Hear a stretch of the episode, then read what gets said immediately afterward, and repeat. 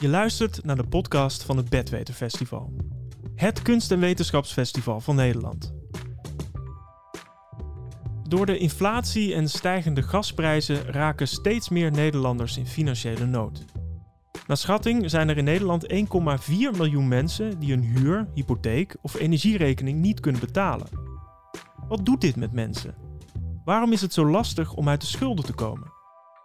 Luister naar een gesprek met Nadja Jungman, lector schulden en incasso aan de Hogeschool Utrecht en hoogleraar bijzondere aspecten van het privaatrecht aan de Universiteit van Amsterdam. Welkom. Dankjewel. Um, waarom weet jij om te beginnen als lector en als bijzonder hoogleraar toch zoveel van de praktijk? Nou ja, ik ben niet alleen onderzoeker, ik ben ook trainer. Dus een dag of twee, drie per week mag ik schuldhulpverleners trainen. Mensen die de participatiewet, dus de bijstandswet uitvoeren. Jeugdhulpverleners.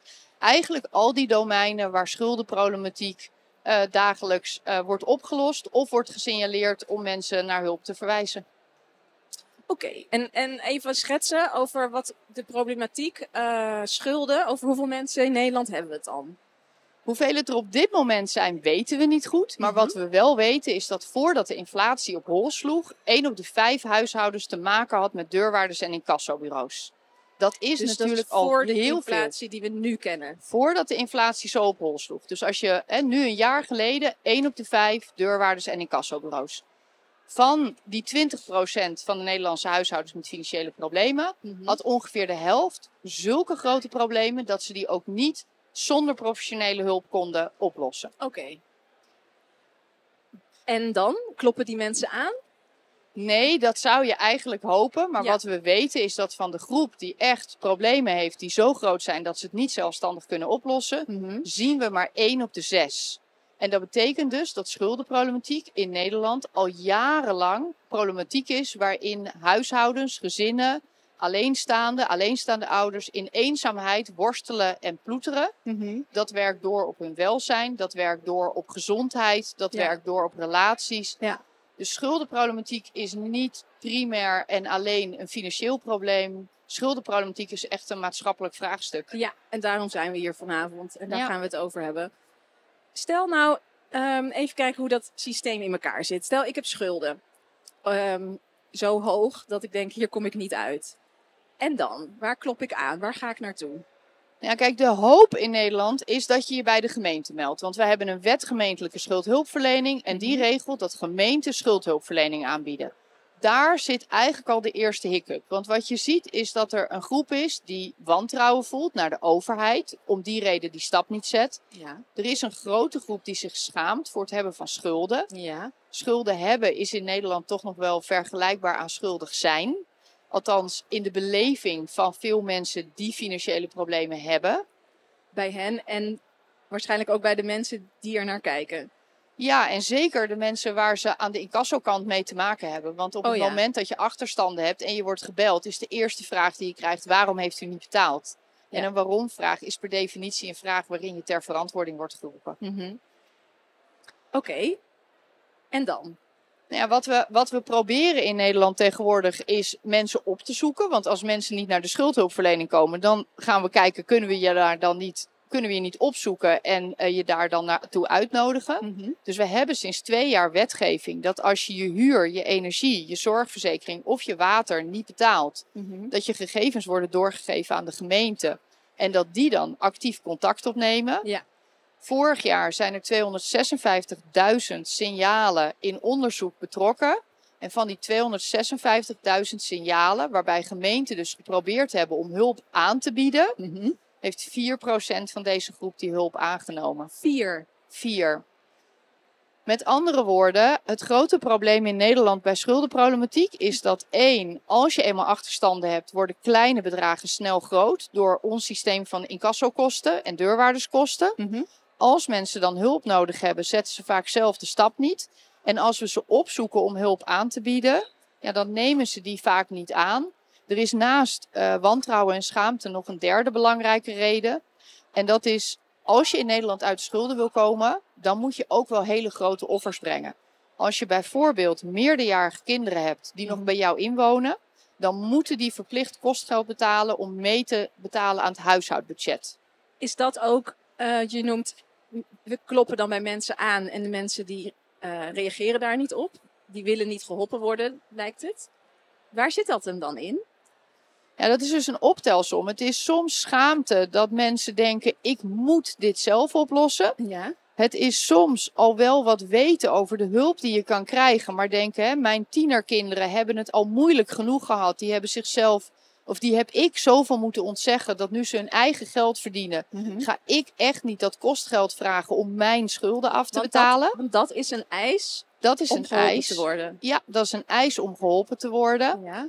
Dus wat je ziet is wantrouwen is een reden, schaamte is een reden. De voorwaarden die we in Nederland stellen om uit de schulden te komen is een eh, voorwaarde. En het is eigenlijk die optelsom die Mhm. maakt dat mensen die stap niet zetten. Ja, dus de schuldhulpverlening die stelt zulke forse eisen dat niet iedereen daaraan, ik, ik zeg wil, maar misschien is het ook kun, kunnen. Niet iedereen kan Ja, zeker. aan Dat, voldoen. dat gaat over daar niet aan kunnen eh, eh, voldoen. Hè. Wij zeggen ook vaak, in de wereld van de schulden hebben we de neiging om als mensen niet doen wat je eigenlijk wel zou hopen, de vraag te stellen, zijn dat dan niet-kunners of niet-willers? Hè, er is natuurlijk ook een groep die hè, allerlei eh, belemmeringen heeft, laaggeletterd zijn, eh, een lichtverstandelijke Oh ja. beperking hebben, dus niet zich realiseren dat hulp noodzakelijk is, terwijl dat objectief gezien wel degelijk noodzakelijk is. Dat zijn niet-kunners. Mhm. Natuurlijk zijn er ook rondom schuldenproblematiek niet-willers. Mensen die niet de offers willen brengen die nodig zijn om het op te lossen. Veruit de grootste groep wordt inmiddels wel duidelijk zijn niet-lukkers. Het lukt mensen niet Ja. om die langetermijn belangen centraal te stellen. En er is onderzoek wat onder andere laat zien dat schuldenproblematiek geeft stress. ja. Stress werkt door op je functioneren. Dus Mhm. mensen met financiële problemen gaan vaak ook meer bij de dag leven. Hebben meer moeite om emoties en verlangens te reguleren. Dan wordt het dus ook moeilijker om aan die voorwaarden te voldoen. Ja. En er is onderzoek wat zelfs laat zien dat gemiddeld genomen de beschikbaarheid van het IQ, als die geldzorgen maar lang genoeg aanhouden, met Mhm. wel een punt of 13 kan dalen.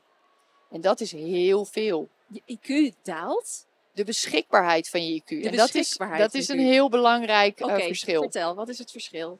Nou, het verschil is dat als die schuldenproblematiek niet heel lang duurt en we halen de chronische stress weg, dat je terugveert naar waar je vandaan komt. Terwijl als je IQ daalt, dan is het net alsof je het voor altijd verloren bent.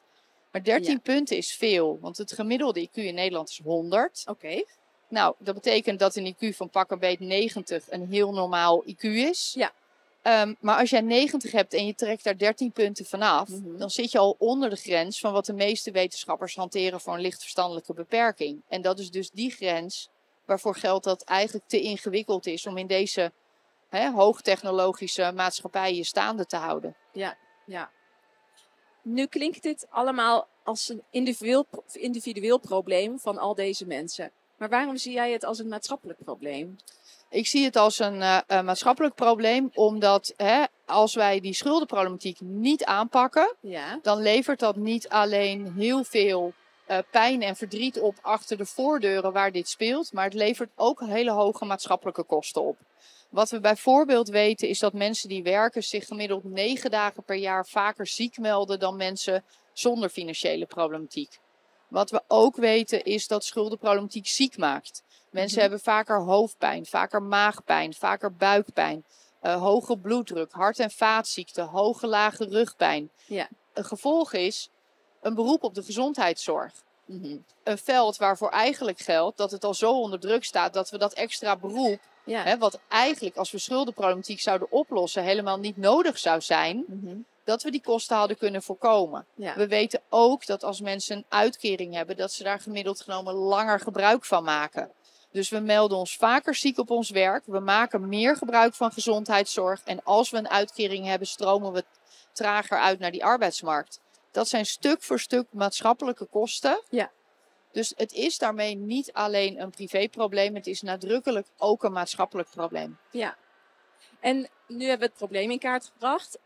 Wat, wat zie jij in je werk? Wat zouden, ehm, welke aanpassingen zouden we kunnen doen in de schuldhulpverlening die voor verbetering zouden zorgen? Nou Ja, ik denk dat we eh, inmiddels echt nog een keer heel kritisch moeten zijn op de vraag of de voorwaarden die we nu stellen aan mensen, want misschien is het belangrijk om dat erbij te vertellen, wat is dan schuldhulpverlening? Ja. Als die schulden problematisch zijn, dan wordt er geprobeerd om met de schuldeisers een overeenkomst te treffen, dat je drie jaar lang alles boven de bijstandsnorm Mhm. aan inkomen aflost. En na drie jaar ben je schuldenvrij. Dat betekent dus drie jaar lang op een houtje bijten.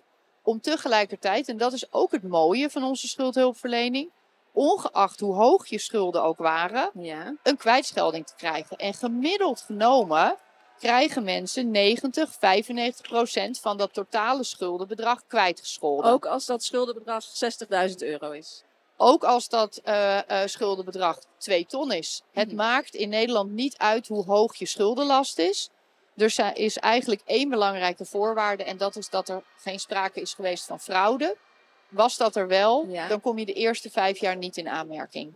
Dus we hebben in die zin een heel mooi systeem. Ja. Alleen mensen stappen niet in. Zijn er al vragen uit het publiek? Durven jullie al? Ik had beloofd dit samen met jullie te doen. Jij hiervoor?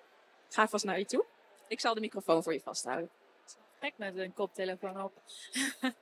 Ehm, ik had inderdaad gevraagd over de voorwaarden. Ik zat ook te denken van hoe vaak wordt dat dan herzien en wordt het wel eens eh, er opnieuw naar gekeken?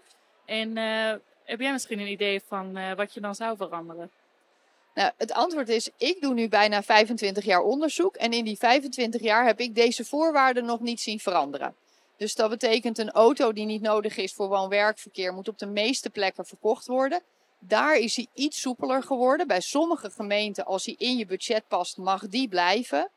Mensen moeten vooral rondkomen van een bedrag aan weekgeld waarvoor geldt dat dat echt, echt, echt heel moeilijk is. En zeker als er bijvoorbeeld kinderen zijn, ja, dan betekent het eigenlijk dat ik niet alleen tegen jou zeg: ik wil dat jij offers brengt, maar dat ik ook zeg: ik wil dat je offers brengt in het opvoeden van je kinderen in een moderne maatschappij. Ja, en dat is voor heel veel mensen is die stap eigenlijk eh, te groot. Ja, je mag er even op reageren.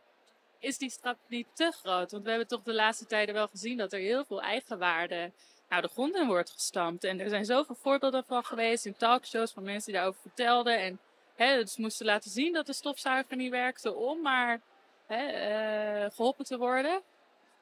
De stofzuiger van Harnie. Ja, moet dat niet anders? Kan je daar iets normatiefs over zeggen? Nee, zeker. Hè? Dus je zegt hier iets, je zegt hier iets heel eh, eh, belangrijks. Kijk, het, het is hè, rondkomen van weekgeld betekent voor veel mensen ook als ze bijvoorbeeld al roken, dat ze alleen maar rond kunnen komen als ze stoppen of enorm minderen met roken. Schulden geven stress. Moeten stoppen omdat een ander dat voor jou bepaalt, is voor veel mensen eigenlijk een te grote opgave. Als je huisdieren hebt, passen vaak die huisdieren niet in het budget. Dus als ik ook intervisie mag geven, want ik werk ook in die praktijk. Als ik intervisie doe, dan hebben we ook casussen dat mensen alleenstaand zijn en zeggen: Ja, ik ga toch niet die twee honden wegdoen, dat zijn net mijn kinderen. Dus het antwoord is ja, het is heel belangrijk dat we nog eens kritisch kijken naar wat past nou in een moderne maatschappij in dat minimum. Want dat we van jou vragen om offers te brengen, dat is logisch. Want als je zonder offers uit de schulden kan komen, dan wordt het opeens aantrekkelijk om schulden te maken. Dus dat kan niet de bedoeling zijn. Maar die offers zijn nu zo groot. En dat zie je alleen al terug als vijf op de zes huishoudens die problematische schulden hebben, die dag in dag uit te maken met deurwaarders en incassobureaus niet instappen. Ja, dan ligt het antwoord toch eigenlijk gewoon in de cijfers. Dus ja, wat we moeten doen is met elkaar nadenken over de vraag: wat zijn nou moderne bedragen voor participatie? Wat zijn nou moderne bedragen voor boodschappen? En dat is in het licht van de huidige inflatie, wordt dat alleen maar actueler. Modern als in prijzen die passen bij wat de kosten ook zijn op dit moment. Ja, precies. Want, want het probleem in mijn veld zit niet alleen bij schuldhulpverlening. Het probleem zit bijvoorbeeld ook in hoe deurwaarders omgaan met het bedrag wat ze inhouden. op het moment dat eh, eh, ze van de rechter toestemming hebben gekregen om een deel van jouw inkomen of van je uitkering in te houden. Die berekening is nog steeds hetzelfde als een jaar geleden. Maar je boodschappen zijn Ja. een stuk duurder geworden. Dus mensen houden op dit moment gewoon minder geld over. Ja. Terwijl het idee een jaar geleden al was: ik heb je op het absolute minimum geplaatst. Dus we zetten mensen op dit moment echt compleet klem. Ja. En ik geef ook veel training in de incassowereld. En wij horen het op dit moment ook op de, de werkvloeren van de hypotheekverstrekkers, de energiebedrijven, de zorgverzekeraars, de woningcorporaties. Overal hoor je het terug. Steeds meer wanhopige Ja. eh, klanten die bellen en die zeggen: Ik weet gewoon niet meer hoe ik het moet doen. Nee, want je noemde het eerder al. Het is natuurlijk ook niet iets van nu. Het was er ook al voordat deze inflatie die we nu kennen er was. Dus het komt er nog eens bovenop. Het is niet iets nieuws. Nee, precies. Als je naar de cijfers kijkt, dan hebben we eigenlijk voordat corona uitbrak, hadden we al een historisch lage werkloosheid. Normaal, als je kijkt naar de afgelopen pak een beet 50 jaar, zag je dat als de werkloosheid daalde, de schuldenproblematiek afnam. Als de werkloosheid steeg, zag je ook de schuldenproblematiek toenemen. De vorige crisis brak in 2008 uit. Rond 2012 raakten het huishoudens. En wat we in de afgelopen tien jaar hebben gezien, is dat die groep die rond 2012, 2013 in de problemen kwam, eigenlijk in de jaren die volgden niet meer is aangehaakt. Die is gewoon blijven bestaan. Al zo lang zit hij daar dus in. Al zo lang zit hij daarin. We weten bijvoorbeeld als het gaat om hele precieze cijfers, dat meer dan de helft van de groep die in 2018 onoplosbare schulden had, had dat in 2015 ook al. En die moesten dus nog beginnen met het oplossen. Ja. Ja. Dus het is in Nederland ook geen uitzondering dat mensen soms wel tien jaar in de problemen zitten voordat ze de draad weer op kunnen pakken. En dat moet gewoon anders.